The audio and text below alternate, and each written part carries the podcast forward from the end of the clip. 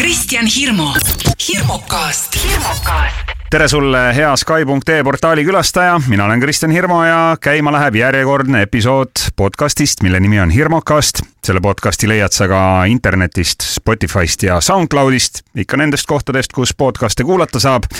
ja täna on mul külas mees kelle teeneid ma kasutasin umbes seitse aastat tagasi, kahe tuhande neljateistkümnendal aastal ja tookord küsisin ma tema käest nõu ja ma tahtsin teada, et milline on New Yorgi kõige kuumem burgeriputka seda head nõu ma tookord ka sain ja kelle muu kui ikka Mihkel Raua käest. Mihkel Raud on mul täna ka külas, tere Mihkel! Tervitus, tervitus, vaata kui tore, et sa sellist asja meelde tuletasid ja ma küsin nüüd sinu käest nii-öelda ringiga uuesti, kas sa esiteks käisid selles kohas ja mis koht see oli, mida ma sulle soovitasin, sest ma lähen ise kohe-kohe, ma ju muidugi ei tea ju, millal see asi sul eetrisse läheb, podcast on üks niisugune tore asi, mis läheb eetrisse teinekord ka viie aasta pärast, kui keegi seda järele kuulab, eks no, ole. ta läheb meil siin ikkagi veel selle vana aasta kahe tuhande kahekümne esimese numbri sees. just, no väga võimalik, et ma juba siis olen New Yorgis ja matsutan seda burgerit, millest sa loodetavasti kohe rääkima hakkad. mis koht see oli, kas sa käisid seal?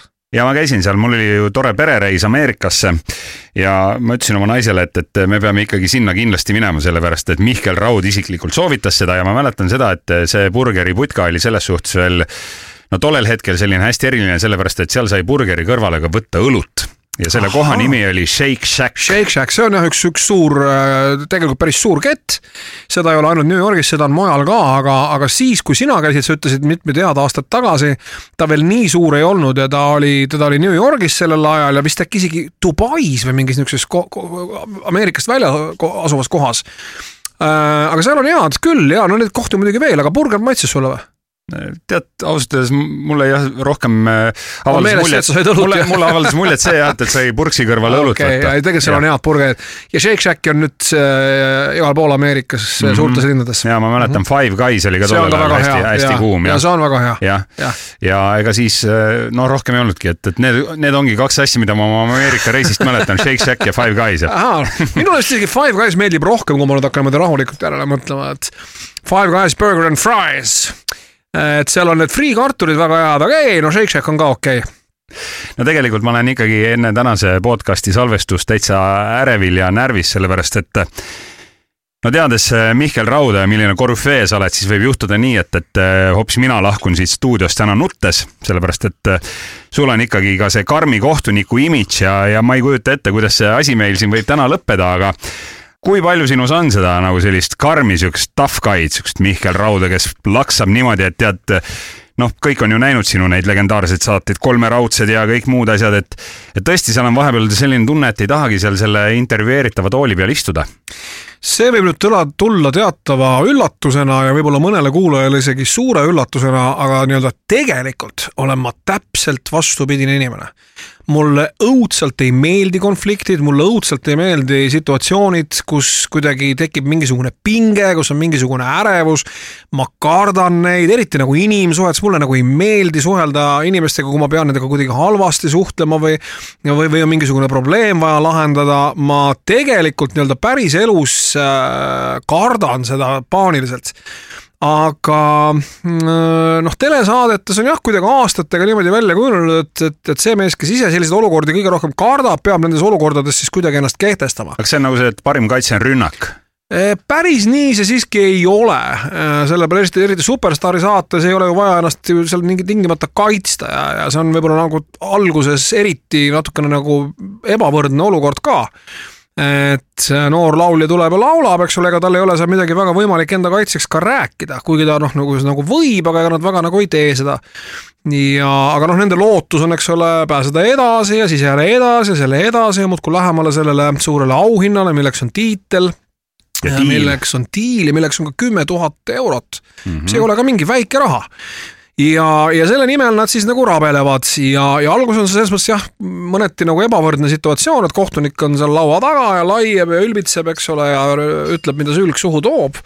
aga, aga, aga nendes intervjuusaadetes tegelikult äh, noh, on see, on see mulle ikkagi nagu tõsine nagu eneseületamine, see niisuguseks äh, konfliktseks tüübiks äh, muutumine, aga sellest sünnib loodetavasti hea televisioon, hea televisioon nende vaatajate jaoks, kellele meeldib selliseid äh, konfliktist laetud olukordi jälgida ja kellel on ka natuke niisugune, nagu sa ütled, niisugune natuke piiripealne tunne, et issand, küll see nagu ühesõnaga niisugune natuke ebamugav, ei ole veel lausa piinlik, aga natuke ebamugav on, aga seda enam ta tahab seda võib-olla siis vaadata mm. -hmm. ja, ja ega see, ega see nagu lihtne ei ole ja lihtne ei ole ta ka sel lihtsal põhjusel, et, et äh, nagu inimesed, inimesed ju noh, teevad ka sinu kogu ülejäänud elu kohta selle pinnalt järeldusi, mida nad telekast näevad. Ja miks nad ei peakski? Eh, kas sa kuidagi ekstra siis harjutad ka seda, et sa oled terav, sa oled sihuke kange, sa laksad, sa oled kiire, sa, sa juba poole lause pealt sõidad sisse ja sa paned nii, et, et tead, teine on maas pikali no, ja, kiire, ja vaikselt vingerdab? jaa, no kiire, see kiire reageerimisoskus, eks see tuleb nagu kogemusega, et, et kui sa neid saateid hästi palju teed ja, ja, ja see tuleb teatava niisuguse kogemusega. Aga ei mingit niisugust eraldi harjutamist lausa ei ole, aga enne saatesse minemist ja ma ikkagi aeg-ajalt pean endale meenutama, et see, mida me siin teeme, teeme, põhiliselt küll nagu intervjuusaadete puhul, vähem võib-olla selle Superstaari saate puhul, aga Superstaari saate puhul ka võib-olla veidi teistmoodi lihtsalt äh,. ma nagu pean meenutama endale, mis asi see on, mida me teeme, et see, mis tüüpi show see on, mida me teeme, mida me tahame, et televaataja näeks ja, ja tegelikult televaatajatele seda asja ju tehakse ja, ja seal tulevad nii-öelda enda tunded ja, ja enda kõik niisugused noh, võimalikud nagu dilemmad ja probleemid äh, lihtsalt ära unustada või need vähemalt kuidagi kontrolli alla saada, sest et äh, minu kui saatejuhi või minu kui kohtuniku ülesanne, ühe, ühe kohtunikuna minu ülesanne nendes saadetes teha televisiooni, mida inimesed tahaksid vaadata mm,. aga kas sa näiteks Superstaari saate puhul sa tunned ka seda, et, et noh, sa ikkagi võid mõjutada mõne noore inimese edasist elu ja käekäiku ja tema karjääri ja kõiki selliseid asju, et kas sul on nagu selles mõttes kuskil kuklas taob ka, et, et noh, nüüd nagu väga hullu ei paneks ja väga kehvasti talle ütleks? jaa, mõnikord on see nii, eriti nüüd nagu viimastes saadetes me oleme ikkagi nüüd jällegi äh, praegu, kui me räägime sinuga, me oleme just äh,, on selja taga äh, eelviimane saade ja, ja vot niisuguses lõpufaasis, eelviimases ja eriti muidugi viimases saates, aga ka eelviimases saates Äh, me ei ole jah, kohtunikena enam nagu nii nüpeldavad äh, kui võib-olla mõnes varasemas saates. nii et kui keegi nagu esineb kuuldavalt ja nähtavalt kehvasti, siis me ikkagi püüame leida mingisuguseid asju, mingeid teisi asju, millest rääkida. just nimelt selle nagu äh, mõttega, et, et las, las televaataja olla see, kes selle viimase otsuse teeb äh, aga üldiselt ma nagu väga ikkagi ei arva ja ei usu seda, et kusagil seal alguse otsas, kui inimesed tulevad, eks ole, sinna, sinna casting ule või audition'ile, nagu inglise keeles öeldakse, või sinna proovi esinemisele, nagu tegelikult peaks ütlema eesti keeles, siis tegelikult ma, on ikkagi nii, et ma väga ei usu, et ühe või kahe või kolme kohtuniku arvamusest ühe inimese karjäär sõltub või et keegi, et me suudame seal kuidagi nagu paari inimesega kellegi kellegi unistust purustada.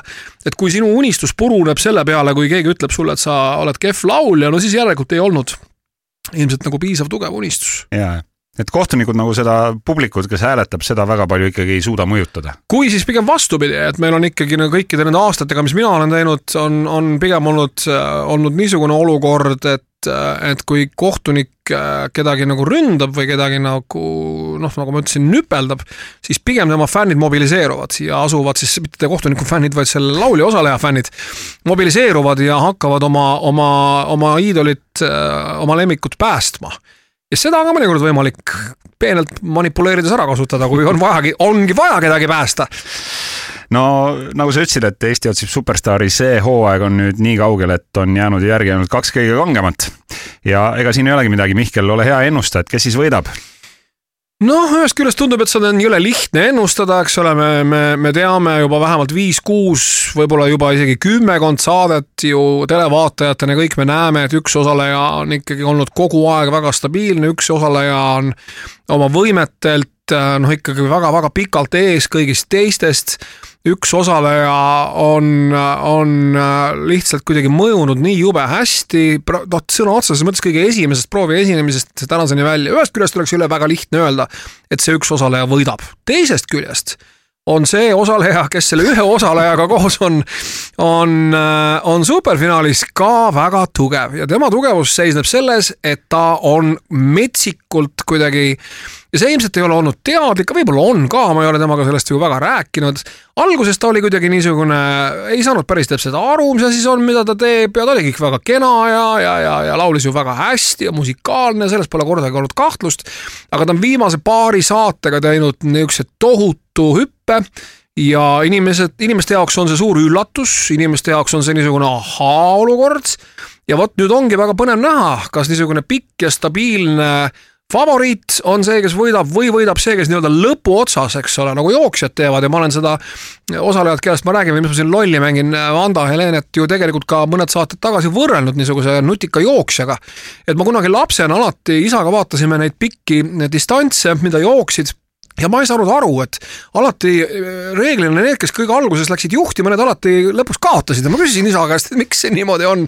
ja isa seletas mulle, vaata Mihkel, tark jooksja ei pane kohe alguses ees jugama, ta teab, et ta väsitab ennast kohe alguses ära. et jooksja läheb ees jugama või, või tormama alle ainult siis, kui ta on tuhat protsenti kindel, et kõik ülejäänud jooksjad on temast nagu nõrgemad ja, ja nõrgemad kuni, kuni distantsi lõpuni tark jooksja jookseb alguses rahulikult seal võib-olla keskel ja niimoodi. ja vaata, pane nüüd tähele, Mihkel, et tõepoolest ühel hetkel tavaliselt kuskil viimase ringi peale äkki äkki tagant mingi vend pani liduma ja pani lidus hooga kõikidest teistest mööda ja, ja lõpetas esimesena. ja vot, Vanna-Helen Ollep mulle tundub, on täpselt samasugune võistleja Superstaari saates, varem ma ei mäletagi, et mul oleks niisugust olukorda olnud. sörgib stabiilselt, välja ei kuku, läheb rahulikult, hindab oma vormi, ajastab seda ja nüüd viimased kaks saadet on ta siis tulnud nii-öelda sprindile ja nüüd ongi huvitav vaadata kas, kas ta selle sprindi nii-öelda võidab või, või on ikkagi see nii-öelda kohe alguses äh, hooga ees minema tormanud äh, võistleja temast siiski tugevam?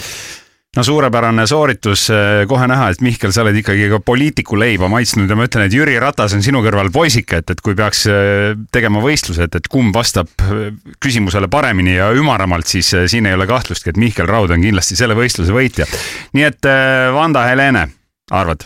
Ei tea, võib väga vabalt olla, et ka võidab Aalika, ma ütleme niimoodi, üldine konsensus näib olevat vähemalt nende inimeste hulgas, keda mina näen ükskõik kas äh, spordiklubi kuskil äh, garderoobis või, või sööklas või, või, või minu poolest bussis, inimesed tulevad ja tahavad sellest rääkida, sellest saatest, mis on nii tore ja mis kuidagi nagu näitab seda, et et inimesed, inimesed kuidagi nagu elavad kaasa. üldine konsensus näib olevat, et Alika Miilova, kes on kohutavalt tugev laulja olnud algusest peale, ilmselt suudab lõpuni põrutada, aga üldiselt arvata, ühesõnaga ma, ma tahan öelda seda, et tegelikult on kõik võimalik ei ole nii, et, et, et me teaksime ette jah, sest see on ikkagi, see on ikkagi show, see on mäng, see on äh, telesaade, see on otse-eeter, kõike, kõike võib juhtuda. täpselt niimoodi. äh, sul oli seal saates üks selline tore episood, tuli juttu Dua Lipast ja siis äh, tekkis selline natukene tobe olukord, et Mihkel Raud ei teadnud, kes on Dua Lipa. kas sa päriselt ka ei teadnud või sa mängisid lihtsalt ei, lolli? ei, no ma teadsin nüüd sellest inimesest, kelle nimi on Dua Lipa, ma ei tea, kas tal passis see nimi on või ei ole sain ma teada tänu Maribel Väänale, kes meie saates osales ka üsna pikalt, kaua vastu pidas. Äh, et teda kuidagi nagu võrreldi sellega, aga ma pean ausalt tunnistama, et ma ei tea, kes on Dua Lipa ja ma ütlen, ilmselt ainuke põhjus, miks ma seda ei tea, on see, et minu tütar, kes on kaheksa-aastane, kelle nimi on Mirjam, äh, ei ole tema fänn. seest tean ma, kes on Jojo Siva kas sina tead, kes on Jojo Siva äh?? ei tea. vaat, ei tea, ei tea, ei tea. ise töötab raadios, eks ju. ise töötab raadios, aga mees sa ei tea, kes on Jojo Siva. Jojo Siva on Ameerika teismelistele number üks iidol, number üks, kõik need teie duo või trio või kvartett liipad on seal nii-öelda valgusaastate kaugusel temast. Jojo Sivat keegi ei tea, no vot see on, sa, sa, sa tead neid teismeliste iidoleid läbi oma laste, läbi oma teismelist, no okei okay,, Miirem on kaheksa, ta veel päris teismeline ei ole, aga tead, maailm on nii palju arenenud, et kaheksa on juba varateismeline. et sa tead neid tegelikult läbi oma laste ja ma ütlen ausalt, ma ei ole väga niisugune top forty raadiokuulaja, ma või peaksin ilmselt rohkem kuulama.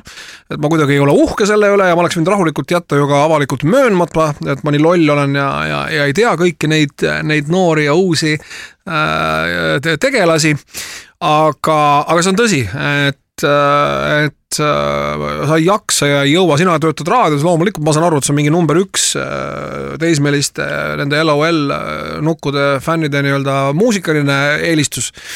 Äh, mina tõesti ei teadnud. aga eks äh, muusikat tehakse ka tänapäeval maailmas nii, nii, nii palju, et, et see hulk ja artistide kogus, et see on kolossaalne, et ega nagu ütles Siim Nestor kunagi ju aastaid tagasi juba hästi, et äh, isegi siin Eestis sa ei suuda kõigega kursis olla, mida tehakse. ja neid žanre on nii palju ja neid tegijaid on nii palju ja täna Just. võib igaüks olla produusser, laulukirjutaja, muusik. selles mõttes on see Eesti Laul üks väga põnev ja huvitav formaat, et mina saan sealt teada uute Eesti, nad ei ole mingid uued, avalikkuse jaoks, minu jaoks on nad uued ja mõnikord kutsutakse mind, äh, ma küll ei tea, erinevatel asjaoludel.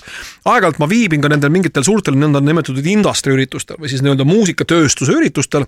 olgu see siis mingisugune auhinna, valdavalt tulevad mingid auhinna, auhinnagalad ja siis ma käin seal backstage'is ja need on inimesed, kes on ju minu kolleegid tehniliselt, eks ole, muusikud, laulukirjutajad, produtsendid ja nii edasi. ja ma tunnen väga üksikuid, nägupidi tunnen ära ja, ja, ja see on hästi-hästi kuidagi nagu, hästi nagu kummaline, aga Eesti Laul on jah niisugune koht, kus ma nagu jälle näen neid vähemalt mõningaid oma silmaga no sa juba viisid jutu laste peale, ütlesid, et äh, Mirjami suur lemmik on, kuidas see nimi oli? Jojo Siva, see öeldakse joo-joo ja see on S-I kaks siis V-A. siis parandan ära. ma isegi olen võimeline tema laule esitama vajadusel pärast lähen äh, tšekin ise ka Spotify'st järgi. aga kui kaheksa-aastase tütre lemmikartist on Jojo Siva, siis kes oli näiteks kaheksa-aastase Mihkel Raua lemmikartist? Väga hea küsimus, las ma mõtlen, mis aasta see oli, kui ma olin kaheksa aastane, ma sündisin kuuskümmend üheksa, järelikult pidi see olema aasta tuhat üheksasada seitsekümmend kuus umbes no,. siis oli mingi diskoajastu e,. oli küll, aga neid diskoplaate, küllap Boney M oli vist siis juba olemas või? no siis olid pigem siuksed mingid Earth, Wind and Fire'id. ja no Earth, Wind and Fire'id muidugi ei teadnud Nõukogude Eestis mitte keegi, aga küll olid müügil Tallinnas Raekoja platsil oli plaadipood olid müügil singelplaadid, muidugi olid need piraat, piraatplaadid, need olid plaadifirma Melodia poolt välja antud ja mul oli üks Rolling Stonesi singel. ja ma vist julgen küll praegu tagantjärgi öelda, et see oli minu üks lemmikuid. seal olid peal mingid suvalised lood olid pandud, muidugi I can't get no satisfaction ja Lady Jane oli seal ja äkki Ruby, uh, Ruby Tuesday või midagi oli seal veel ja siis oli kas toredaid plaate, James Lasti orkester oli üks niisugune kollektiiv, mis esitas äh, töötlusi. instrumentaalmuusika. täpselt niimoodi, nad esitasid töötlusi kuulsatest lauludest ja siis oli üks niisugune plaat, mille nimi oli Tantsujem Pespire Rõõva, mis siis eesti keeles on Tantsime ilma vaheajata. see oli ka üks niisugune naljakas plaat, kus oli nagu mingi niisugune megamiks või. popurrii öeldi tollal. jaa, aga seal vahel, selle popurrii vahel olid nagu, ühesõnaga need tükid olid, neid tükke sidus nagu rahva või publiku aplodeerimine ja sinna vahele võis tekkida täiesti vabalt ka jälle mingisugune Sweet'i või, või, või, või Stonesi või Beatlesite lugu lihtsalt. nii et oli küll igasuguseid plaate, aga ma arvan, et nagu Rolling Stones, ma arvan, on esimene niisugune bänd, mida ma kuidagi nagu lapsena mäletan välismaa bändidest. Eesti bändid, aga need kuidagi tulid hiljem minu ellu, Ruja ja ja nii edasi. ja, ja kuidas sa üldse, kui sa oma lapsepõlve meenutad ja, ja vaatad praegu oma laste lapsepõlve ja enda lapsepõlve sinna kõrvale paned mida sa nagu, mida sa nagu üldse arvad sellest, et? Äh, ja see on hästi jälle hästi huvitav küsimus, seda enam, et mul on tegelikult ka üks täiskasvanud laps, kes on, on juba nii-öelda ise täiskasvanud inimene ja, ja, ja mängib kitarri Singer-Vingeris muide koos minuga. ja, ja olen, olen vaadanud ka tema nii-öelda muusikaliste maitsete ja eelistuste kõike seda tekkimist. Äh, noh, tõsi küll, mitte nii-öelda igapäevaselt temaga koos elades, aga, aga ikkagi ja, ja minu nagu põhiline hirm oli toona ja tegelikult on ka praegu väikeste laste puhul see, äh, et äh, kõik on nii jõle kättesaadav. et see kuidagi see muusika väärtus äkki ei ole nende jaoks nii suur kui meie jaoks omal ajal, et äh, vanasti oli ju nii, et kui sa tahtsid plaati, seda ei olnud, noh, see ei olnud nii, et sa läksid, ei olnud nii, et sul oli peopesa suurune mingi plastmassist gadget kuhu kosmosest tulid kõik laulud, mida sa tahtsid. kõik maailma laulud kusjuures. kõik maailma laulud, mis on olemas, tulid kosmosest sinna sellesse asja. sul oli vaja ainult kõrvaklapid, ei olnud niisugust asja, ei olnud. olid grammofonid, vinüülgrammofonid ja vinüülplaadid ja mina siiamaani kuulan vinüülplaate ja mul on siiamaani vinüülgrammofon. Äh, aga, aga olid plaadid ja neid plaate ei olnud müügil Nõukogude Liidus, olid müügil teistsugused plaadid, need, millest me praegu hetk tagasi rääkisime, aga valdavalt olid müügil Nõukogude äh, ansamblite plaadid plaadid, mis ei olnud ka alati üldse halvad. Aga sa ju tahtsid kuulata Ameerika ja Inglise bände, ei olnud. Ja siis selleks, et neid saada, oli sul vaja käia kohas, mille nimi oli Plaadimägi. igal pühapäeval Harjumäel seal kõlakoja juures kogunesid entusiastid, neil olid kaasas plaadid, mida nad olid saanud kas siis äh, äh kuskilt keegi oli Soomest toonud või, või, või, või Ameerikast saatnud. Äh, ja siis vahetati neid omavahel. ja vahetati neid nii, et mina andsin oma plaadi, mis minule ema oli toonud, ma ei tea, mingi Black Sabbathi Heaven and Hell või Iron Maideni äh, Peace of Mind või mis need nagu ägedad plaadid olid kaheksakümnendate alguses, minul oli näiteks selline plaat ja kellegi täiesti minu jaoks tundmatul inimesel oli näiteks minu pärast samas Earth, Wind and Fire, mida sa nimetasid. ja siis me vahetasime ja nädala pärast saime uuesti kokku see plaadi, meile vahetasime tagasi, nüüd selle nädala jooksul toimusid apokalüptilised sündmused, see ei olnud nii, et ma läksin sellega koju ja siis lihtsalt lindistasin seda ja jäin järgmist pühapäeva ootama. ei, ma lindistasin selle ära lintmaki peale, linti oli väga raske saada ja nüüd selle plaadiga, mis ma olin laenanud sealt pühapäeval mäelt, nii nii-öelda oma mingisuguses väiksemas sõpruskonnas edasi. vahetasin selle see, ja, ja, ja, ja käis tohutu, tohutu vahetamine. ja kõik plaadid salvestati, salvestati Maci lindi peale. no minuealistel on seda juttu tüütu kuulata, aga noortel inimestel võib-olla ei ole. ja minu hirm oligi see, et nüüd, kui lapsed, lastel ja, ja selle niisuguse vaeva ja, ja, ja tõmblemise ja, ja, ja kõige selle tulemusel see, selle muusika väärtus nagu kümnekordistus sinu jaoks. kui sa olid selle plaadi kätte saanud sealt plaadimäelt, sa kuulasid seda kirglikult iga lugu otsast lõpuni salvestasid seda, mõnikord oli nii, et salvestus läks tuksi, sellepärast et lint oli, teinekord lindistati üle, vaata, sa olid mingi asja, mingit asjast tüdinud, salvestasid sinna peale, sest linti ei olnud saada ja ühesõnaga õudne jama, ühesõnaga see, see, selle, selle tohutu piina ja selle Kolgata tee tulemusel see muusika muutus sinu jaoks kuidagi kallimaks ja olulisemaks. ja ma nagu kartsin, et nüüd, kus tuleb täpselt sõna otseses mõttes kosmosest tulevad täpselt see laul, mida sa isegi tänapäeval sa ütled plastmasstükile. plastmasstükk, mängi mulle seda Joe, laulu. täpselt, plastmasstükk, mängi mulle Jojo Sivat ja ta mängib. Et äkki nüüd on nagu see, see piin või see, see valu või see veri jääb nagu kuidagi valamata selle muusika kättesaamise nimel et äkki see muusika ei ole enam siis ka nagu inimestele nii väärtuslik. aga oma poja pealt, siis vanema poja pealt ma näen, et see ei ole tõsi, et ikkagi väga-väga kirglikult on võimalik muusikasse suhtuda ja lapsed samamoodi. no minu poeg, siis väiksem poeg Joosep, tema on kuueaastane, tema on räpimees. tema on ikkagi, ta räpib ise ja see on teinekord isegi tekitab mulle niisuguseid natuke nagu piinlikke situatsioone kuskil kaubanduskeskuses, paneb inglise keeles räppima, kuidas ta mingit kappe või selliseid politseinikke tapma hakkab või midagi taolist. ja see on no, see on puhas klassika niimoodi, kuna, kuna räpplaulud Ameerikas sellest laulavad. Eestis vist ei ole niimoodi, vähemalt no, see raadioräpp ei ole selline. jaa, aga noorema generatsiooni SoundCloudi tüübid äh, räägivad ka sellest, et äh, tuleb politseinikule nii-öelda teha kõmm-kõmm. just, ja see on, see kõik on nali ju nende meestega, nad tõsiselt seda ei mõtle, see on lihtsalt nagu lahe, no umbes nii nagu metal-bändid minu nooruses laulsid saatanast, ega keegi satanist ei olnud, see oli kuidagi lihtsalt lahe tundus. ja samamoodi, no vot ja poiss, poiss on mul räpimees ja, ja tütar, tütrele meeldib jah, nagu ma ütlesin, Jojo Siva, aga minu vanem poeg on väga huvitav olnud jälgida, kuidas ta on jõudnud, ma ei tea, läbi mingi Delta Bluesi ja Jack White'i ja nüüd ta on kuidagi mingi niisugune proge ja on hästi-hästi põnev on vaadata ja, ja ei ole seda, et, et kuidagi muusika ei oleks enam nii väärtuslik no sinu lapsepõlv kindlasti oli üleüldse väga huvitav, sellepärast et eh, mõlemad sinu vanemad olid ju kirjanikud ja, ja mitte lihtsalt kirjanikud, vaid ikkagi Eesti suurte teoste loojad. ja ma olen kogu aeg mõelnud, et kui sa oled kirjanike peres üles kasvanud ja, ja sul on see kogu see background ja, ja kogu see nii-öelda see oreool on seal üle terve teie perekonna, siis eh, kas sa mäletad, kas ema luges sulle raamatut magama jäämise ajal või ta mõtles ise mingid lood välja? Väga hea küsimus ja mis juhtus, oli see, oli mõlemat.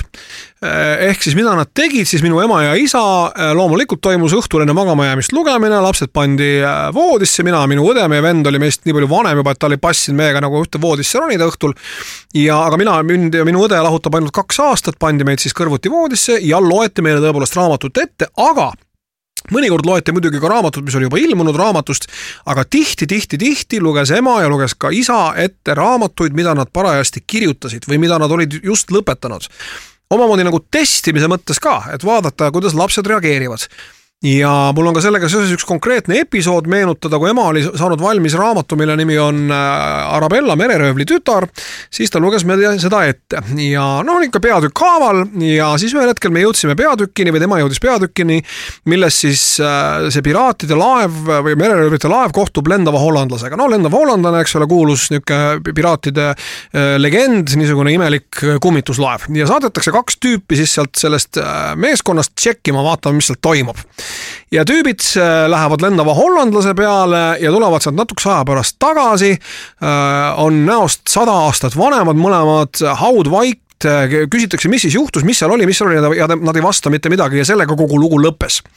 ja minus tekitas see tohutut õudust, minu jaoks oli see, see nii õudne, äh, just see teadmatus, et on mingi niisugune kummaline kum, kummituslaev, mida ema loomulikult oli väga kihvtilt kirjeldanud seal raamatus ja saadetakse kaks tüüpi siis vaatama, mis seal toimunud, tulevad tagasi, nad on nagu noh, täiesti muutunud inimesed ja kumbki ei, ei ütle ühtegi sõna.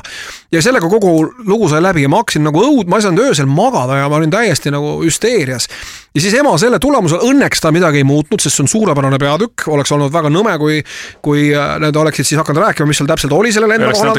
täiesti täpselt niimoodi, ta seda õnneks ei teinud, ta sai aru, et see on väga, väga tugev ja väga väärtuslik peatükk ta ei muutnud seda, aga ta pani kuskile siis sellesse, äh, Vene ajal oli, no tänapäevalgi on need tiitellehed või pagana siis kohad, kuhu saad nii-öelda parental advisory kirjutada ja, ja ta kirjutas, et ei sobi ettelugemiseks väga väikestele lastele ja, ja, ja kas isa või ema pidi sulle koolis ka mõne kirjatüki valmis tegema? minule ei pidanud, minul ei pidanud, aga on legend ja ma jällegi ei tea, kas see vastab tõele, aga see on tore legend, nii et ma ikkagi räägin. Ma elasin ju kirjanike majas, eks ole, Harju üks ja seal olid paljud, seal elas palju kirjanikke. ja, ja kirjanike lapsed olid omavahel sõbrad ja minu väga head sõbrad olid Eerik ja Märten Kross, Eerik Niiles Kross ja Märten Kross olid siis Jaan Krossi pojad. Ja legend räägib äh, seda, et Jaan Kross tõepoolest olla siis Märt Ratnale, oma väiksemale või siis nooremale pojale eh, ühe korra kirjutanud kodus kirjandi valmis ja saanud selle eest nelja. see on üks tore lugu ja, ja, ja. ja ei, ei tea, kas see vastab tõele. ja ma ei ole julenud Märta käest küsida, sest ma kardan, et kui ta ütleb, et see ei vasta tõele, see on kuidagi nagu pettumus, et tegelikult oleks jube tore, kui. et see linnalegend puruneb. just, just, aga sulle koolis meeldisid rohkem eesti keele kirjanduse tunnid või muusikatund või, või mis sulle üldse koolis meeldis? jaa, kirjanduse tunnid mulle täitsa meeldisid, aga kõige rohkem, ma arvan, meeldisid mulle inglise keele tunnid ja ma isegi ei tea, võib-olla sellepärast, et ma olin siis juba no vähemalt mingi, mingil hetkel hakkasin nagu selle rokkmuusika vastu ja popmuusika vastu rohkem huvi tundma ja see kuidagi oli ju valdavalt inglise keeles ja, ja siis see kuidagi nagu inglise keele tunnid mulle väga meeldisid mm,. sa tahtsid teada siis, millest laulud räägivad? seda ma tahtsin muidugi teada ja, ja, ja tahtsin neid ka ju ise kirjutada ja, ja ikka, ikka nii-öelda rock n rolli emakeeles ehk siis, ehk siis inglise keeles. aga ei, kirjandusundidel polnud ka midagi viga ja tagantjärele ma mõtlen, et noh, reaalainetega ma olin muidugi hädas, matemaatika mulle väga ei meeldinud, keemia, füüsika ka ei meeldinud, aga matemaatika kohe eriti ei meeldinud. Äh, mis muidugi ei tähenda seda, et ei oleks tulnud seda õppida ja, ja, ja, ja, ja muidugi ka seda, et mul tegelikult ei, ei, ei oleks hea meel, et ma õppisin, mul on väga hea meel, et ma nagu natukenegi natukenegi äh, noh, ma ei tea matemaatikast midagi, aga tänapäeval nii-öelda lihtsamaid tehteid isegi saja piires arvutan äh, selle telefonil leiduva selle, selle, selle plastikust. täpselt, selle plastmass tükiga, millele tuleb öelda, mängi Jojo Sivat ja siis ta mängib. jah, kui sa olid laps, no olid hoopis teised ajad ja ajastu ja riigikord ja kõik oli teine aga sa olid ikkagi ju kirjanike perest pärit, isa-ema olid sul mõlemad ju nii-öelda superstaarid. kas tollel ajal tunti ka sellist avalikku huvi tuntud inimeste pereelu, eraelu, kogu selle, kogu selle nii-öelda taustal toimuva vastu? no küllap tunti, aga mitte muidugi amet, noorte hääles või rahva hääles või, või, või Sirbis ja Vasaras ei ilmunud äh, artiklid kirjanike eraelust. sest et Nõukogude Liidus kõik inimesed olid võrdsed, ei olnud niimoodi, et kellegi elu huvitas meid rohkem kui vähem. kirjutati ainult äh, nii-öelda, see oli hoopis, hoopis teine aeg, mingit kõmuajakirjandust sellel ajal ei olnud noh, ja tegelikult mina ka lapsepõlvest väga ei mäleta, et minu sõbrad kuidagi minusse või minu õesse või minu vanemasse venda oleksid kuidagi teistmoodi suhtunud, sellepärast et et me olime kirjanike perest või et, et meie suhted oleksid sõpradega olnud kuidagi hoopis teistsugused. tõsi, osa sõpru olid, nagu ma ütlesin, eks ole, ka teiste kirjanike lapsed aga koolis olid täiesti noh, noh nagu, nagu kõikides koolides väga erinevate elukutsetega inimeste lapsed. ja me käisime üksteisel külas nagu ikka sünnipäevadel, ei mäleta mina küll seda, et et oleks olnud kuidagi nagu see teistmoodi või et me ka kuidagi väga teistmoodi oleksime elanud, et minu isa müüs küll miljoneid raamatuid üle terve Nõukogude Liidu ja endise idabloki, aga ega see kuidagi rahas ei, ei kajastunud, me, me ei elanud rikkalt, me ei elanud ka kuidagi vaeselt, äh, me saime kenasti hakkama, aga mingit niisugust tohutut mingit rikkust või seda, seda said lubada endale ikkagi tel-, tolle aja mõttes ainult, ainult partei äh, tegelased. ma just ükskord lugesin, huvitav sõna oli nomenklatuur. nomenklatuur, täpselt niimoodi, niimoodi seda, jah, täpselt nii, nomenklatuuri liikmed. aga kas, ma ei tea, noh, või linna peal midagi ei räägitud, et näed, et need on kindla, need oi, rauad oi, ja, ma ei tea, kas siis- raudade kohta räägiti, aga linna peal räägiti igasuguseid, igasuguseid lugusid, loomulikult kuulujutud levisid loomulikult täpselt samamoodi ja, ja ma ei mäleta, et meie pere kohta mingeid kuulujutte oleks eriti nagu räägitud tollel ajal, aga võib-olla see oli lihtsalt sellepärast, et keegi ei tahtnud rääkida, et kuule, kas sa kuulsid, et sinu kohta räägitakse niisugust juttu. aga mis on mingi kõige jaburam kuulujutt, mis sa nagu praegu oled enda kohta kuulnud? Tuleb kohe niimoodi paugust meelde. jaa, Eks neid on. väga palju, neid on väga-väga palju. noh, muidugi niisugune tavaline, et ükskõik, mida ma teen või ütlen, ma saan iga kord, kui midagi ütlen, saan kuskilt Sorose äh, mingite emissaride käest tuleb kohe sularaha. see on üks niisugune üsna tüüpiline asi, et ükskõik, mida, mida sa ütled, kuni selleni välja, ma just hiljuti lugesin kuskil Facebookis keegi auras, kuidas ka need superstaari kohtunikud on Brüsselist on, on kinni makstud Aa. ja, ja, ja et jaa, need valikud on, on täpselt see, no see on niisugune hästi tüüpiline ja see tuleb mulle nagu kohe meelde. ja noh, üldse mitte kuidagi nagu, ta ei ole isegi naljakas enam.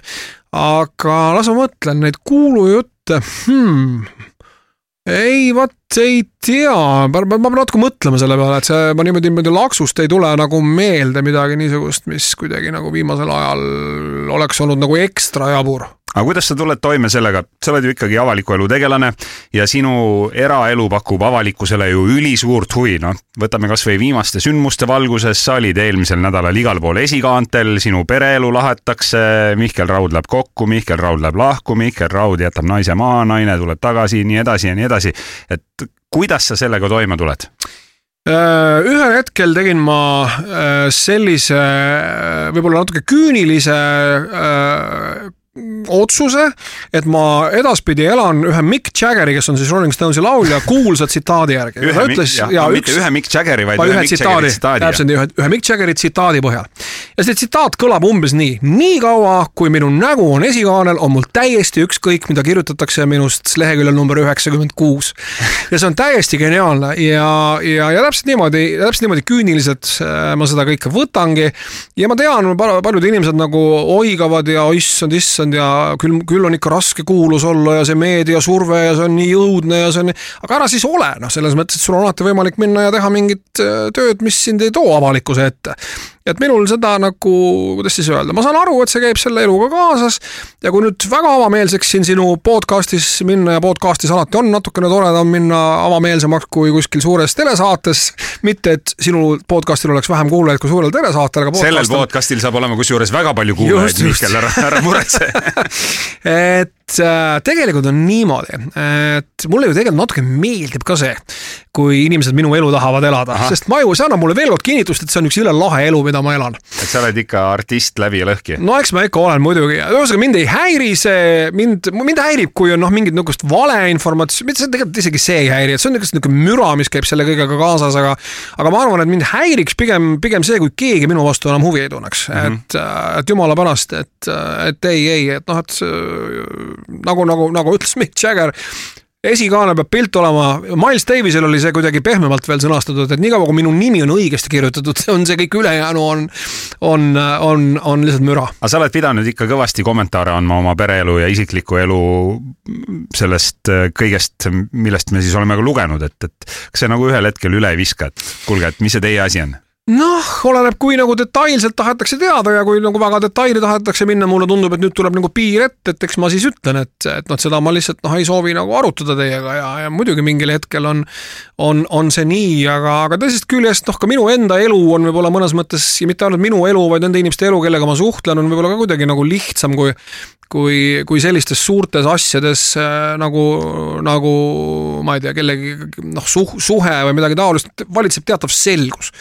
ja, ja, ja selles mõttes see, see, see selgus ei ole, ei ole tingimata nagu, nagu halb asi, aga loomulikult, kui, kui nagu need, need päringud muutuvad mitte, et nad oleksid muutunud, tegelikult Eesti noh, nimetame seda siis Kõmu või see seltskonna ajakirjandus tegelikult on üsna nagu, üsna nagu leebe ja kas nad on viisakad? on küll, On, on, on, on, on, on, on, see on ikkagi võrreldamatu sellega, mis toimub näiteks Inglismaal, kus ikkagi Kõmu meedia on väga pahatahtlik, kus Kõmu meedia, ma olen Inglismaal õppinud ajakirjandust ja, ja seal räägiti meile ikkagi väga konkreetselt, kuidas näiteks ma ei tea, The Sun, mis on siis üks niisugune suuremaid, kui mitte kõige suurem, eks ole, Inglise tabloidajaleht, lihtsalt võib ühel päeval otsustada, nad avaldavad näiteks äh, esikaanel, ma toon praegu suvalise näite, ma ei, ma ei väida, et selline esikaas oleks ilmunud, aga näiteks, et ma ei tea, Robin Williams on pedofiil ja nad teavad väga hästi, et ta ei ole, nad teavad väga hästi, et neil puuduvad tõendid, aga nende kalkulatsioon on see ja nad arvutavad, et kui palju see esikaas toob neile raha sisse ja kui palju äh, on see nii-öelda trahv, mida nad peavad valeinformatsiooni äh, maksmise eest või siis levitamise eest maksma kohtuotsusega.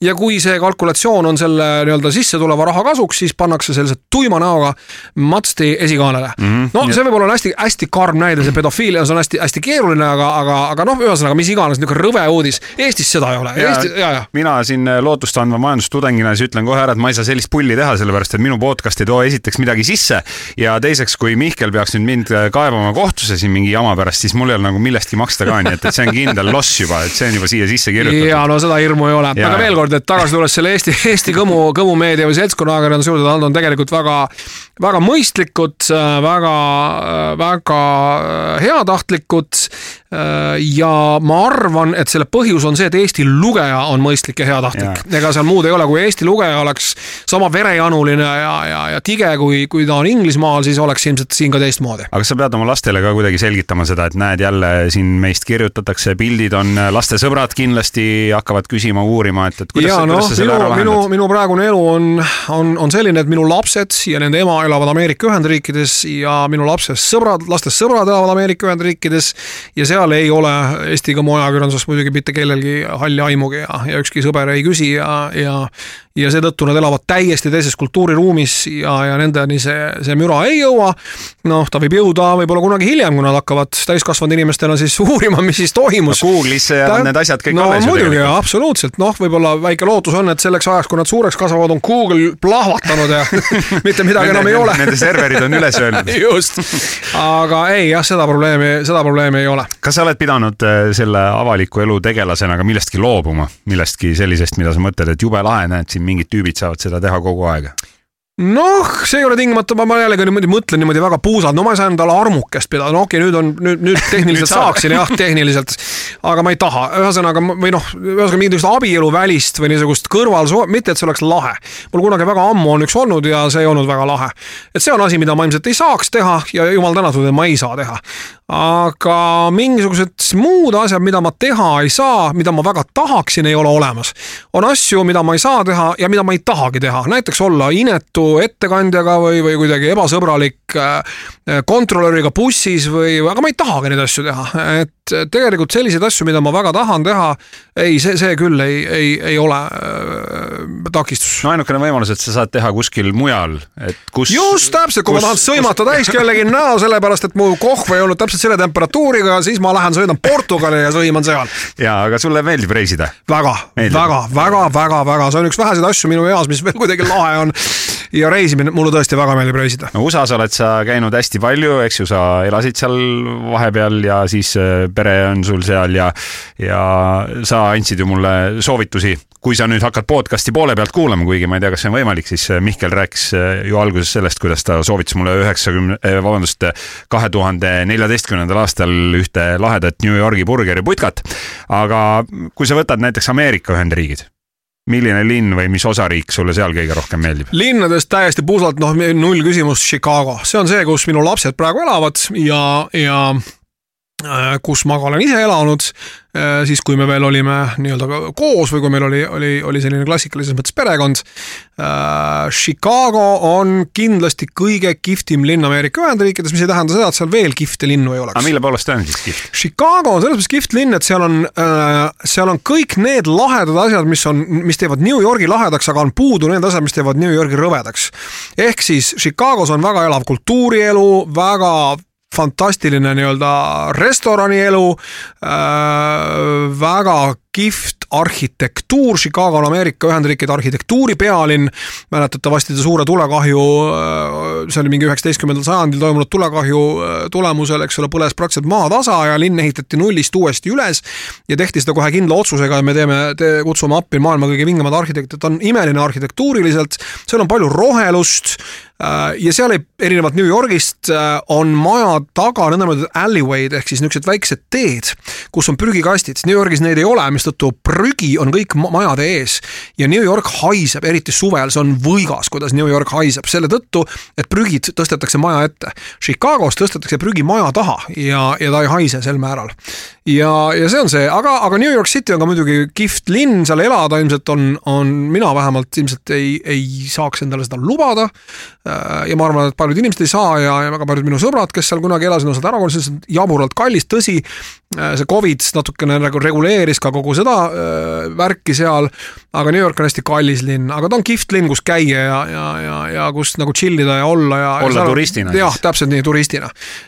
võime, jah, absoluutselt, turistina on seal, on, on imeline, väga kihvt, kihvt linn no sa mõtle, mis on veel lahedad linnad Ameerikas, neid on väga palju. noh, Seattle muide on üks linn, kuhu väga vähe inimesed satuvad, sest et ta on nagu väga-väga eemal kõigest muust. aga on õudselt kihvt linn ja kogu see Washingtoni osariik on, on väga lahe uh,. no neid linnu on, on palju, ma ei ole väga suur LA fänn, aga ka LA-s on toredaid kohti, mul on palju häid mälestusi seoses Los Angelesega, ma olen seal väga-väga palju käinud ja mingid niisugused väiksemad linnad just keskläänes, Chicago on, eks ole ju nõndanimetatud Midwestis ehk siis eesti keeles kesklääs. ma olen väga palju teinud autoga lastega, ma olen pannud lapsed peale, me oleme teinud niisuguseid nõndanimetatud road trip'e või me sõidame ja nüüdki sellel aastal me, me, meil on plaanis selline teha. ja me oleme sõitnud risti-põiki läbi kogu Michigani ja, ja Ohio ja, ja ma ei tea, Tennessee ja Kentucky ja need on kõik kihvtid, kihvtid linnad, Louisville, Kentucky, Nashville Memphis on väga lahe uh,, Indianapolis on, on jumala kihvt linn, mis on keset täiesti mõttetut osariiki nimega Indiana, aga vot linn ise on kuidagi lahe. Kurt Vonnegoti, eks ole, sünnilinn või, või kodulinn pikalt olnud ja nii edasi ja nii edasi ja nii edasi, nii et tegelikult Ameerika on väga huvitav, väga eriilmeline, eriti muidugi looduse sõpradele, maastike sõpradele. ja kui ma, kui sa lubad kasutada võimalust, ma teeksin reklaami osariigile nimega Utah, kirjutatakse Utah, kunagi oli Utah Saints, mäletad niisugune bänd, aga see ja, oli inglise bänd, vahet ei ole, ühesõnaga Utah osariik. ma tean, et inimesed üldiselt käivad kanjonit vaatamas Arizonas, nad käivad vaatamas seda suurt kanjonit ehk Grand Canyonit. sõbrad, Grand Canyon on tore, aga minge Utah kanjoneid vaatama. Bryce Canyon, seal on Zion Canyon, see on täiesti uskumatu, see on lihtsalt uskumatu. Te ei taha sealt ära minna, ma garanteerin ja kas sa oled äh, USA-s siis päris niimoodi maale ka sattunud, nagu me oleme filmides näinud, mingid siuksed äh, motellid ja ikka, kõrtsid ja, ja siuksed redneckid istuvad ikka, seal ja ikka, sõidavad ikka. oma suurte pick-upitega ja oled, oled käinud ikkagi ja. USA nagu Trump, risti, Trump country nagu nimetatakse seda, jaa, Trump country nagu, nagu nimetatakse seda suurtes Ameerika linnades mm. -hmm. ehk, ehk jah, niisugused veidi mahajäänumad äh, kohakesed, kus elu ei ole nii hea, kui on suuremates linnades ja nende ümber, ikka loomulikult olen kohe meelega käinud, käinud meelega vaatamas, käinud meelega söömas äh, sööklates sõna otseses mõttes, kus niisugune lihtne tavaline Ameerika tööinimene käib lõunat söömas. see on olnud väga huvitav väga,, väga-väga põnev äh, ja sa tegelikult hakkad nagu kuidagi noh, sa küll nagu vaatad neid mingisuguseid äh, niisuguseid suuri üritusi, kus oleks seal mingid vihased, vihased inimesed karjuvad ja laamendavad, aga kus sa seal istud koos nendega ja, ja siis kuidagi, kuidagi tekib nagu mingi niisugune kuidagi kaastunne või sa kuidagi nagu hakkad neisse hoopis teistmoodi suhtuma. ja see on väga tore. sellistesse maakohtadesse minek, no ma küsin lihtsalt puht isiklikust huvist, aga võib-olla mõnel kuulajal ka hea teada, et kas selline maakohta minek on tegelikult kallim kui suurde linna reisimine? no sa ei saa sinna, sa ei saa sinna lennata, sa pead mm. lendama ikka kuskile, kus on lennujaam ja siis võtma endale rendiauto ja siis sõitma, aga näiteks Chicagost sinna maakohta sattumine ei ole üldse tund aega, isegi võib-olla, no ütleme tund aega, olenevalt liiklusest. ja juba oledki tegelikult selles maakohas mm. -hmm. ja, ja, ja suvaliselt maanteelt keerad lihtsalt maha ja, ja, ja võtad mingi suvalise väikelinna ja, ja, ja oledki kohal, et see tegelikult ei ole väga keeruline elad ja sööd ja oled Just, seal. jah, noh, sa ei, no ma ei taha kuidagi pahasti, see ei ole mingi niisugune koht, kus sa nüüd tahad olla nädal aega järjest. sa oled seal pool päeva või isegi paar tundi, vaatad selle üle ja noh, nendes väikestes kohtades, nad on väikesed kohad põhjusega. seal lihtsalt ei ole eriti midagi teha, aga inimesed elavad seal oma elu ja teevad oma tööd ja see kõik on tegelikult äh, jumala väärikas ja kena no kui kaheksa-aastane Mihkel Raud äh, väidetavalt äh, ikkagi kuulas äh, mitte Jojo Sivat, vaid Rolling Stonesi, siis Ameerika on kindlasti see koht ka, kus sa oled hästi palju muusikalist inspiratsiooni saanud oma elus, on ju? jaa, muidugi, muidugi, muidugi juba lapsena, Rolling Stones oli küll inglise bänd, aga noh, Bill Haley, üks teine, üks teine minu lapsepõlve lemmikuid on, on juba ju, oli juba ameeriklane aga räägime muusikast ka natukene, sellepärast et sul on nüüd äh, selline uus tulemine, sa tegid äh, ju diili suure Sony Musicuga, andsid välja uue soolosingli. sa oled ju tegelikult muusikat teinud terve elu, kõik need igasugused äh, generaator M-id ja, ja mis sul sinna päris, päris algusesse on jäänud vahele, Mr Lawrence'id ja Singer Vinger, muideks, kas Singer Vinger tegutseb ja, ja sa ütlesid, et sul poiss mängib seal? kas sa ise ka mängid veel? jah, muidugi, ma teen kiire veaparanduse, vot Generaator M on üks väheseid Eesti bände, kus ma kunagi mänginud ei ole. sa ei ole mänginud? aga ma olen mänginud Babachis, mis oli Hendrik Sal-Salleri bänd peale seda, mille ta moodustas, kui Generaator M laiali läks. sinna no, vahele tegelikult no, tekkis selline, selline üsna tume ja kauge aeg. on, on, aga me olime ja. väga head sõbrad ja ma olin suur Generaator M-i fänn ja me oleme siiamaani väga-väga head ja lähedased sõbrad ja, ja, ja Generaator M oli üks bänd jah, kus oli tema bänd ja see oli Kümnenda Keskkooli bänd. Singer Vinger tegutseb tänaseni. Äh, Singer Vingeris ma mängin tänaseni. Äh, Singer Vingeril on tänaseni täiesti nagu tööd, me mängime, olen nüüd noh, pandeemia ajal ja ütleme praegusel hetkel noh, ei saa keegi väita, et jube palju mängiks, aga niisugusel normaalsel ajal me mängime just täpselt umbes nii palju, kui me jaksame mängida, ehk umbes kolm-neli korda kuus, mida on, on jumala okeilt. mis see keskmine vanus umbes on seal bändis siis, umbes äh,? vot nüüd ka Kaarel ehk siis minu poeg, kes bändiga on ühinenud, tõmbab seda natukene alla, seda keskmist vanust. siis me aga... peame rääkima sellest mingist mediaanvanusest mediaanvanus, ma ikkagi arvan, on kusagil viiekümne viie, viiekümne viie, kuuekümne vahel. ja, ja, no Rolling Stonesi mehed on veits vanemad, eks ju Need, kes elus on ja, kindlasti. jah, need, kes mm -hmm. elus on, et üks, üks lahkus siin hiljaaegu. aga su enda sooloasjad, et noh, sa oled ju tegelikult kirjutanud ka häid laule ja laulutekste ja ma ütlen, et Kus kulgeb kuu on üks läbi aegade mu lemmiklaule ja Ines ju tegelikult laulis selle nii-öelda tavapubliku jaoks kuulsaks, aga, aga kuhu sa ise nagu tahad veel minna selle muusikaga, et äh, kas sul on nüüd, äh, sinu, sinu sees on mingi selline põlemine ja sa tunned, et sa pead tegema veel mingi viis albumit ja kirjutama laule? see on õudselt hea küsimus ja, ja ma arvan, et õig, kõige õigem vastus on see, et küsimusele, et kuhu ma tahan oma muusikaga jõuda, vastus on inimeste ette. ja, ja see võib-olla kõlab nagu veidralt, et loomulikult, kuhu siis veel, eks ole, ma saan aru küll, mis nagu küsimuse mõte on, mida sa tahad muusikaliselt saavutada ja ma tahan mängida inimestele kontsertil, see on see, kus ma tunnen ennast kõige paremini, see on see, kus meie bänd funktsioneerib kõige paremini. et me ei ole tingimata, muidugi me lindistame plaate ja laule ja nii edasi tulevikus äh, veel ja veel tõenäoliselt või noh, vähemalt selline on meie kavatsus. aga meie nagu niisugune põhiline soov ja, ja ka meie põhiline tugevus tegelikult on see nõndanimetatud live tegevus või siis kontsertide andmine. ja, ja neid me nüüd loodame juba, juba järgmisel aastal, juba järgmise aasta alguses ka, ka juba tegema hakata ja siin on juba mingeid festivale ja asju suveks kokku lepitud. aga ka aasta esimeses pooles me ikkagi plaanime teha kontserte ja, ja, ja me oleme salvestanud ka ühe kontsertfilmi, niisuguse neljakümne minutilise, ilma publikuta, tõsi küll, aga seda, mismoodi meie bänd äh, laivis tegelikult nagu kõlab, me tegime Haapsalu äh, kuursaalis äh, ühe filmikese, mille nimi on Kuu kulgeb Haapsalus. Ja kus me mängimegi viis-kuus, ma ei mäleta enam peast, laulu laivis ja me oleme need üles võtnud, need ja, ja, ja see film on jällegi sõltub sellest, kunas keegi seda podcast'i kuulab, aga see on TV3-s eetris minu mäletamist mööda kaheteistkümnendal detsembril, aga ta läheb peale seda üles kohe Youtube'i ka, nii et seda on võimalik sealt vaadata aga veel kord, küsimus äh, väga hea, väga põhjendatud ja vastus võib olla ootamatult lihtne. me tahame jõuda inimeste ette. et sa tahad ikka mängida, laval olla, päriselt. täpselt, täpselt, täpselt. no sa juba mainisid ka sinu hea sõber Hendrik Sal-Saller, kes siis tegi ansamblit Generaator M, kus sa ikkagi ei ole mänginud, millest siis hiljem sai või tuli see Babah ja ühesõnaga olid need pungiajad no Hendrik on ka üsna vana mees ja mängib siiani ja mängib iga, igal nädalavahetusel ja, ja ega ta muud ei saakski teha, kui, kui mängida. aga see Eesti publik ja see Eesti, nii-öelda Eesti skeene ei ei ammenda ennast ühel hetkel? oleneb artistist, Hendriku jaoks mitte, sellepärast et ta on ikkagi noh, noh, ta on ikkagi nii laia nagu inglise keeles kasutatakse sõna appeal või ta meeldib väga-väga paljudele inimestele, tema muusika meeldib väga paljudele inimestele.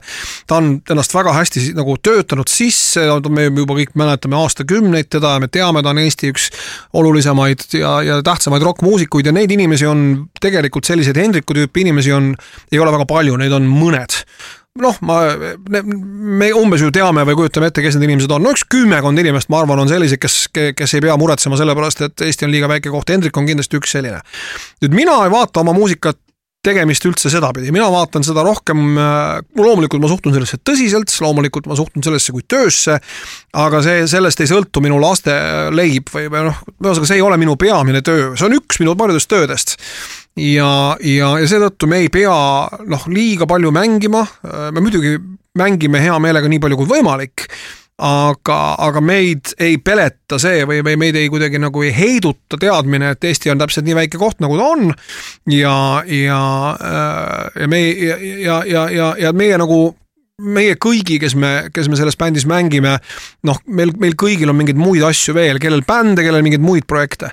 Nii et nii-öelda, nii-öelda puht hakkamasaamise või ellujäämise mõttes ei ole see kriitiline lihtsalt oleks nagu tore mängida ja, ja, ja, ja väga loodame, et see pandeemia ikkagi nagu ühel hetkel, ähm, ühel hetkel ikkagi nagu võimaldab seda ka teha. et sa ei pea nagu konkreetselt sada laivi aastas tegema, et iga reede-laupäev äh, siin ei, klubis, selles pubis, et, et sa ei. pigem valid neid kohti, kus mängida äh, mingeid, mingeid asju, asju, asju teha, mis sulle meeldivad. täpselt nii, ühest küljest küll valida, aga teisest küljest ma olen muutunud järjest vähem valivaks ja et kui ikkagi management. see tuleb vanusega, sorry? see tuleb vanusega, absoluutselt.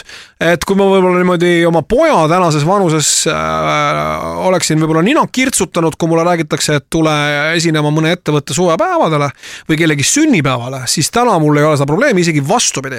mulle tegelikult, ma olen Singer Vingeriga päris palju mänginud ettevõtete suvepäevadele, sünni, inimeste sünnipäevadel, need on tegelikult kõige lahedamad kohad, kus mängida. sest publik on su sinna kutsunud, publik ootab sind, publik tunneb üksteist, inimesed tunnevad üksteist teist ja see on, on tegelikult hästi lahe ja hästi-hästi nagu vägev. nii et äh, ma väga ei kirtsu, ütleme nagu ööklub, aga keegi ei kutsu ka Mihkel Rauda laulma ööklubisse, et, et et see on hoopis teistsugune publik. see on väga huvitav, sellepärast et ma olen aru saanud just, et vaata noorena võetakse vastu nagu kõik pakkumised ja, ja tehakse ära kogu töö, mis on võimalik teha ja, ja vanemana hakatakse nii-öelda valima, et ei, ei, ei sõbrad no, see, et seda ja, me oleme juba teinud ja, ja siia me ei viitsi ja, tulla. see võib olla ühest küljest nii, aga teisest küljest ikkagi noorena, eriti kui sa oled nagu niisugune, sinu eneseteadvus on oluliselt oluliselt nagu kõrgem kuidagi või enesehinnang, et sa nagu jah, kirtsutad iga asja peale nina ja nendele me küll ei mängi ja seda me küll ei tee ja, ja me oleme ikka, meie nagu, meie nagu mingisugune statuut või meie mingi niisugune staatus, vabandust, või meie, meie mingi level on, on nii kõrge, siis see jah, vanusega kuidagi nagu minul vähemalt on muutunud ja ja mul ei ole seda, mul ei ole probleemi mitte kellelegi mängimisega. küll on mul probleem öösel mängimisega, seda ma ei taha teha, seda ma ei jaksa teha, ma tahan öösel magada, nagu inimesed üldiselt tahavad ja vaat öösiti ma ei, ei taha, ei taha tööd teha. mis kell sa õhtul magama lähed siis tavaliselt? ma lähen tavaliselt üheteist, kaheteist vahel ja tõusen kusagil kuue-seitsme ajal ja mõnikord jään uuesti magama ja siis magan kaheksani, aga ütleme umbes üks seitse ja kaheteistkümnest seitsmeni ma umbes magan. ja, no mainisin ka korra juba, et äh, sa oled nüüd suure Sony Music'u artist ja siin Eesti, Eesti tiiva all võetud et kas seal plaadifirma ka annab mingit nõu ja suuniseid, kuidas teha ja, ja seal on ikkagi mingid kontoriinimesed ka või, või on nii, et Mihkel Raud on nii vana, suur ja tähtis staar, et, et talle ei ütle keegi ette, et mida on vaja teha? minule võib täiesti vabalt öelda ja ma ei ütle, kasutaks sõna ütleb ette, kuidas teha, vaid mulle vastupidi on vaja anda nõu, et ma olen väga ebakindel, mul on alati otsuste tegemisel vaja abi, eks ole, seda nõndanimetatud teist arvamust ja, ja selles mõttes Made in Baltics, Sony Music on fantastiline partner, et Toomas Oljum ja tema tiim seal on kontoriinimesed, absoluutselt, nende kontor on väga lahe. Äh, keegi tahab minna piiluda, siis seda on võimalik täiesti teha, Telliskivis on neil seal see väike niisugune platsikene on, seal on neil täiesti kontor olemas, et sisse võib-olla ei lase teid, aga sealt on võimalik vaadata. saab läbi klaasi vaadata? läbi klaasi saab vaadata, kuidas inimesed töötavad ja seal täiesti on, on, on, on inimesed olemas. Äh, nad teevad, neil on, annavad nõu, absoluutselt annavad nõu, annavad head nõu Äh, mina ei ole sealt veel ühtegi ideed saanud, mis mulle ei oleks meeldinud äh, või, või mida ei oleks olnud nagu põhjust kaaluda. nii et äh, absoluutselt, et ja ma, ma üldiselt ei ole inimene, kes kuidas öelda, mõni, mõni nagu, mõni nagu on, on oma nägemuses äh, kindlam ja see tegelikult on omamoodi tugevus, kui sa, kui sa oled väga täpselt tead, mida sa tahad saavutada. mina pigem ei ole selline inimene. mina pigem kuulan, mida ütleb Erik Kammiste, meie ansambli kitarrimängija, mida ütleb Anti Kammiste, Tõnis Kivisild, Mikk Simson, meie bändi liikmed, mida ütleb Toomas Oljum, minu label'i boss, mida ütleb Irene Kivi, minu, minu äh, noh, PR-inimene või, või siis äh, Sony Music'u see noh, PR, avalike suhete nii-öelda ajaja. ma, ma kuulan nende inimeste nõu ja mul on seda vaja ja, ja ma, ja ma, ja ma reeglina, reeglina usaldan seda nõu aga ambitsioone, ma ei tea, kas või USA-s midagi teha, välja anda, minna, vallutada, ei? Need ambitsioonid ju kunagi olid ja eks terve hulk Eesti ansambleid elas ju, elas ju üheksakümnendate aastate alguses kindlas veendumuses, et kogu ülejäänud maailm on, eks ole, hinge kinni pidades oodanud, millal raudne eesriie langeb ja Eesti ansamblid toovad rock n rolli lõpuks ka meile, aga siis selgus, et et, et Ameerikas täielikult juba olemas need bändid, et ei olegi neid Eesti omi sinna ilmtingimata juurde vaja. aga mis ei tähenda muidugi seda, et inimesed ei võiks proovida ja püüda ja, ja, ja, ja, ja mõnel ju natukene võib õnnestuda ka. lihtsalt sellel ajal, kui meie sellest unistasime, oli see õnnestumise definitsioon teistsugune, et sa olid õnnestunud ainult siis, kui sa müüsid kaks miljonit heliplaati ja, ja, ja, ja ma ei tea, neli miljonit kontserdipiletit. tänapäeval on õnnestumine ka see, kui sa mingi väikse label'iga teed väiksed pusid ja kuskil mängid kellegiga koos ja, ja kuskil väikses klubis ja see on juba õnnestumine no see küsimus on nagu klišee ja minu enda käest on ka küsitud ja see on tegelikult hästi nõme küsimus. aga kui sa saaksid kaheksateistaastasel Mihkel Rauale mingit nõu anda, ma ei tea, kasvõi muusikaliselt või üleüldse sellise suurema pildi puhul, et on sul mingi hea asi, mida sa, mida sa ütleksid või, või mm, üleüldse näiteks tänapäeval noortele Need on natuke kaks eri asja no,. kaheksateistkümne aastasele endale ma ütleksin midagi väga ebapedagoogilist ja see oleks see Mihkel, ära sa jumala pärast joomist ära lõpeta. kohe varsti, varsti, varsti kirjutad sa sellest raamatu, millest saab suur hitt tänastele noortele äh, ei oska ma midagi muud öelda kui seda, et ärge te jumala pärast nagu kõiges vanemaid inimesi usaldage, teil on tihtilugu teie, minge oma esimese instinktiga kaasa. Mm, äh, ma ei räägi muidugi joomisest, vaid ma räägin, räägin üleüldiselt elu elamisest ja, ja tuleb ennast ikkagi usaldada ja aga noh, mõnes asjas ilmselt ka natukene vanemaid inimesi kuulata. kas sa oled mõelnud seda ka, et, et kas sa juba oled kuidagi visualiseerinud enda jaoks seda, et kuidas sa tahad et inimkond mäletaks Mihkel Rauda või kuidas, kuidas siin nagu, ma ei tea, mitmekümne aasta pärast äh, hea sõnaga meenutatakse? jaa, et see on tegelikult jumala äge küsimus, äh, seda enam, et alles oli, eks ole, see Krapsi äh, mälestuskontsert ja ma muidugi loomulikult, eks iga inimene mõtleb, eriti niisuguses eas nagu mina, noh, et mis laulud siis minu mälestuskontserdil võiksid kõlada ja kes neid võiks esitada.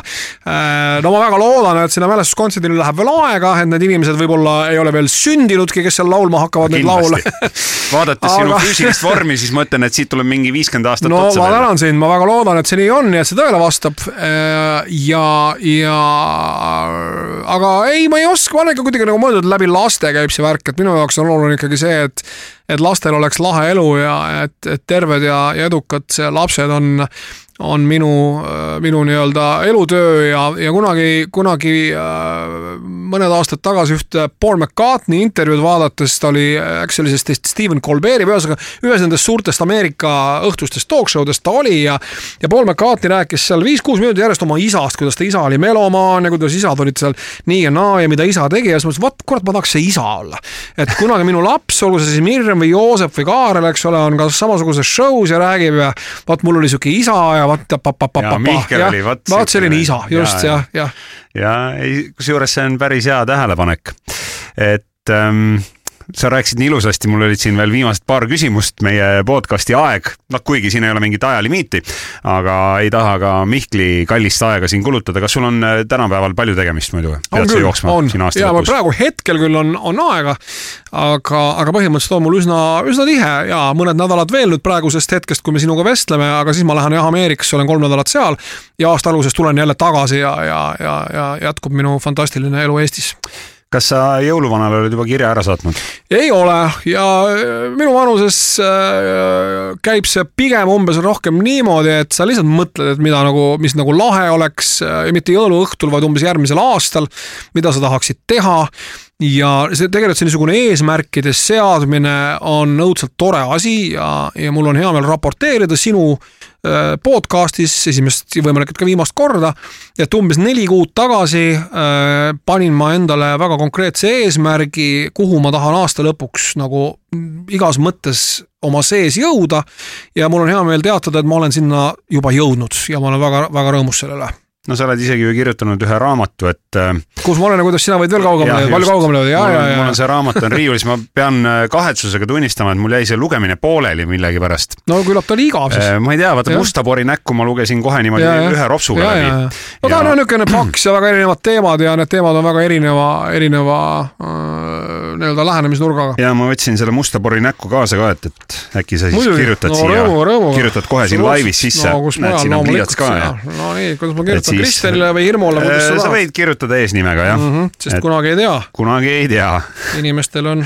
et äkki tekib tahtmine perekonnanime muuta, et. jah, jah, ei, ei ole välistatud. ja suur tänu, Mihkel, sulle selle eest. aitäh sulle. ja kas äh, lapsed ka jõuluvanale kirjutasid? Jaa aga nende, nende, nende jõuluvana nii-öelda vahendaja ja kogu, nende, nagu me juba rääkisime, nende, nende elu on, on siit üsna mitu tuhat kilomeetrit eemal. ja, ja eks ma jõuan, jõuan varsti oma lapsi ka vaatama ja eks ma nendega siis arutan ja mulle tundub, et nad on jõudnud vist sellesse kohta, kus nad teavad või on aru saanud, et jõuluvana ei ole olemas. Joosep kuulas, küsis minu käest äh, mõni nädal tagasi, et kuule, et kas ta ikka on olemas või nagu Mirjam ütleb, et ei ole ja ja ma nagu ei osanudki talle vastata peale selle, et kuidas ta siis ei ole, kui ma olen temaga kohtunud, kusjuures ma olen. küsimus ongi selles, et mis jõuluvana siis on, mina olen Lapimaal. koht-, täpselt niimoodi, tal on kontor seal, palun, Jaa. ostad pilet ja lähed kohtud, teed temaga täiesti reaalselt olemas. Ei, mina tean ka, et ta on olemas on, on jah, jah, jah, no mina, mina tean, et meie peres läks see kiri juba ammu teele ja meil oli selline komplekskiri, kus olid kõikide kingisoovid sees. ahaa, oli see midagi niisugust, niisugust lahedat ka, millest sa no isale isale sooviti moodsaid kõrvaklappe mm., sest isal on siuksed vanamoodsad Ahah, juhtmega. jah, Nüüd on wireless'i vaja. ja, ja see juhtmega kõrvaklapp, see annab nagu pere kõige väiksemale tegelasele halba eeskuju, sest ta tahab igasuguseid juhtmeid endale Kes praegu kõrva kõrva toppida no jah, nii et äh, ma loodan, et jõuluvana toob mulle siis äh, moodsad kõrvaklapid. aga sulle, Mihkel, suur tänu tulemast äh, Hirmuhkasti. Ma usun, et äh, sul oli põnev kuulata., mul oli väga põnev sinuga rääkida. Mihklil oli väga põnev rääkida ja et su vorm nagu väga heaks ei läheks. sest eh, palju sa mitukümmend kilo sa oled siin viimaste nädalate jooksul alla võtnud no,? viimaste nädalate jooksul ma muidugi ei ole, aga tõsi ta on, et sport ja tervislik toitumine annavad hämmastavalt kiireid tulemusi ja ma olen praegu kohas, kus mu treener ütles mulle, et nüüd rohkem enam alla võtta ei tohi. vaata, kui korra, kas pole imeline, kui treener ütleb sulle nüüd palun rohkem mitte alla võtta. Jah ja., no nüüd on, nüüd on, hakkad seda lihasmassi kasvatama täpselt ja nii ongi ja kui sa liiga alla võtad, ma võin sellest rääkida miljon, miljon tundi, aga lihtsalt kiire niisuguse lõpuremargina.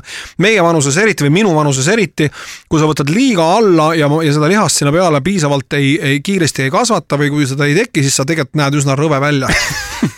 Jalad lähe- jalad lähevad peenikseks Lähevad peenikseks ja- ja, ja- rahk ripub ja see kõik on õudne mm. -hmm. no et äh, oleks natukene siia ellu ka magusat, siis imeline, no ma väga tänan sind, Sky.ee portaali poolt sulle ka no väike suur-suur tänu, väike magus üllatus ja- fantastiline, ma väga tänan sind, ja imeline suur tänu sulle veel kord, Mihkel Raud täna Hirmukastis ja aitäh sulle ka, kes sa värske episoodi ära kuulasid. mina olen Kristjan Hirmu ja kohtume jälle. hirmukast. Kristjan Hirmu ja külalised, kel alati midagi öelda. kuula hirmukasti portaalis Sky.ee